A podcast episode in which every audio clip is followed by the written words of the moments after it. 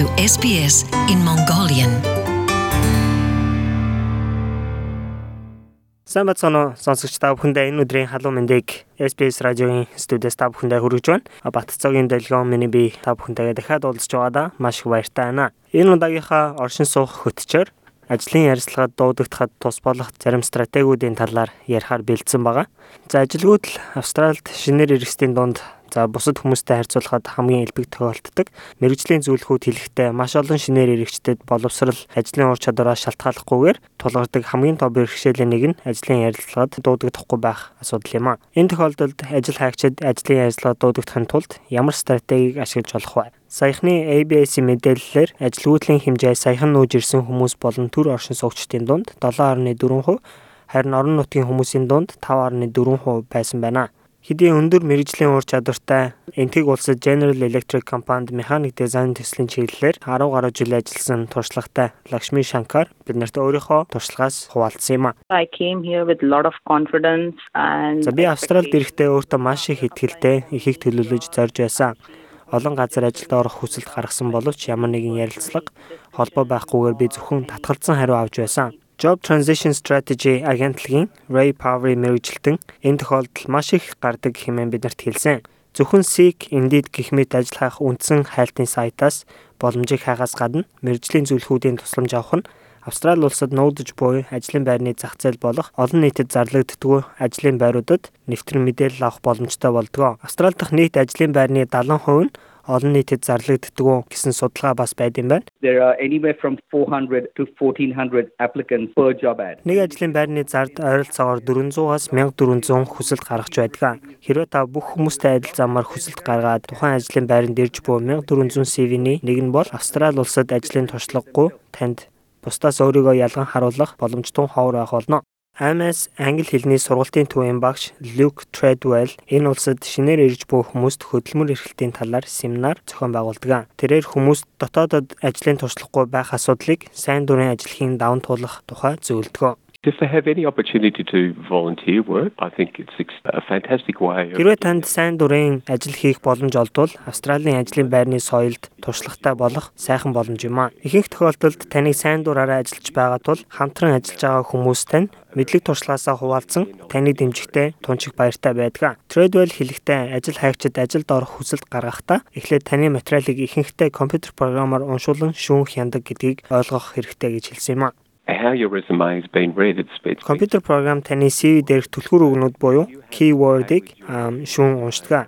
Тийм учраас та тухайн ажлын байрны шаардлагад нийцсэн түлхүүр үгнүүдийг CV болон хүсэлт гаргасан загталтаа хангалттай оруулаагүй тохиолдолд компьютер програм таныг шүүн гаргах болно. I've seen migrants get into the room and the first 30 seconds the first thing that will come out Шинээр ирсэн ажил хайгчид байгууллагад орж ирээд эхний 30 секундэд хэлдэг зүйл нь танад надад хийчихээр ажил байгаа юу гэдэг асуулт байдаг. Үүнийг сонсоод ажил олгогчид зайгаа барих хандлагатай болдгоо. Учир нь тэд хүмүүстэй эхлээд харилцан яриа үүсгэх, холбоо тогтоох цаг гаргадаг бай. Хүмүүстэй холбогдох харилцааны ур чадварт суралцах нь хамгийн чухал зүйл юм гэж Luke Treadwell биднэрт зөвлөсөн. Things like being able to engage in casual conversation.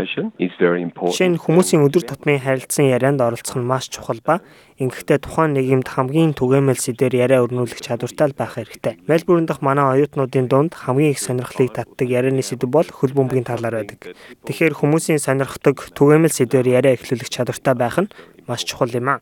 За ямар нэгэн юм хэлэхдээ зөв хоолойны өнгө айс, биеийн харилцааны хэл зөв ашиглаж сурах нь ажлын ярилцлагын үед таныг сайнаар тодорхойлж өгөх болно. In some cultures you show respect to the potential employer by appearing very serious. Зарим улсын соёлоор хүмүүс ажил олгогчтой уулзахдаа хүндэл үзүүлж байгаа нэгээд биеэ барих эсвэл хит албан ёсны мэд харилцдаг. Энэ нь Австралийн ажлын байрны соёлд та өөрийнхөө ур чадварт итгэлгүй байна эсвэл тухайн ажлын байр нь тийм их сонирхолгүй байна гэж ойлгогддог. Ер нь хин нэгэнтэй харилцаж байхдаа нүдэрэ холбоо тогтоох, өөртөө ихтэй дууны хоолойны өнгөтэй байх, мөн биеийн хөдөлгөөн, биеийн харилцааны хил маш чухал байдаг. Ray Power 30 жилийн өмнө Австралид ирэхдээ өөрийнхөө яг энэ чадварууд дээр ажиллах шаардлагатай болж байсан гэдгийг хэлсэн. Ray харилцааны ур чадвараа сайжруулахын тулд анх Toastmasters Club дийлсэн тууштай явсны эцэст өөрийнхөө илтгэлийг бичүүлж олны танил болсон. Мөн тэрээр ажил хайгчдад зориулж олон зөвлөгөө материал мэдээлэл гаргасан байна. The first would be figuring out what are your strengths, what makes you tick as an individual. Таны бусдаас ялгарах давуу чадвар юу вэ? Хувь хүний хувьд таныг юу зоригжуулдаг вэ гэдгийг тодорхойлох нь таны хамгийн ихний алхам байх болно. Дараагийн алхам бол тухайн зах зээлийг сайн ойлгож төлөвлөгөө стратеги боловсруулах юм аа. Ингэснээр та ярилцлагын үед өөрийгөө илэрхийлэх, за өөрийнхөө зорилгыг таниулахад их хэрэгтэй юм аа. Танд зөвлөгөө өгч туслах хүнийг хайж олох, За өөрийнхөө харилцааны ур чадвар, сонсох хур чадвар болон хүнтэй тохиролцох чадвараа сайжруулах хэрэгтэй. Ямар компаниуд ажилд шалгаруулан авч байгаа вэ гэдгээ бас судлах нь зүйтэй. Хэрвээ та ажлын ярилцлагад дуудагдвал ярилцлага болгоныг өөрийнхөө бараа бүтээгдэхүүнийг зарах байгаа байдлаар төсөөлөх хэрэгтэй. Um, and in any effective sales, you need to understand the needs of Та өөрийнхөө бараа бүтээгдэхүүнийг зарах гэж байгаа бол худалдан авагчийн хэрэгцээ шаардлагыг ойлгох хэрэгтэй. Тэгэхээр ажлын ярилцлагын үед ажил олгогч тань таны худалдан авагч байх болно.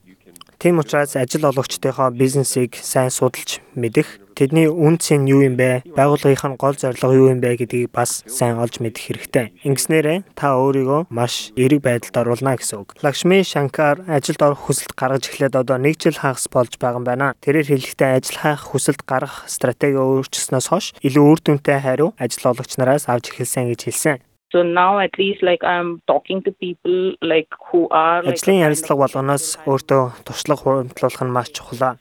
20-с 30 хүнтэй ярилцлага хийлээ гэж бодоход дор хаяж нэг юм уу хоёр нь за тэгээ танд нэг боломж олгоод үзье. Таны ур чадвар үе чинь шалгая гэж хэлж болно.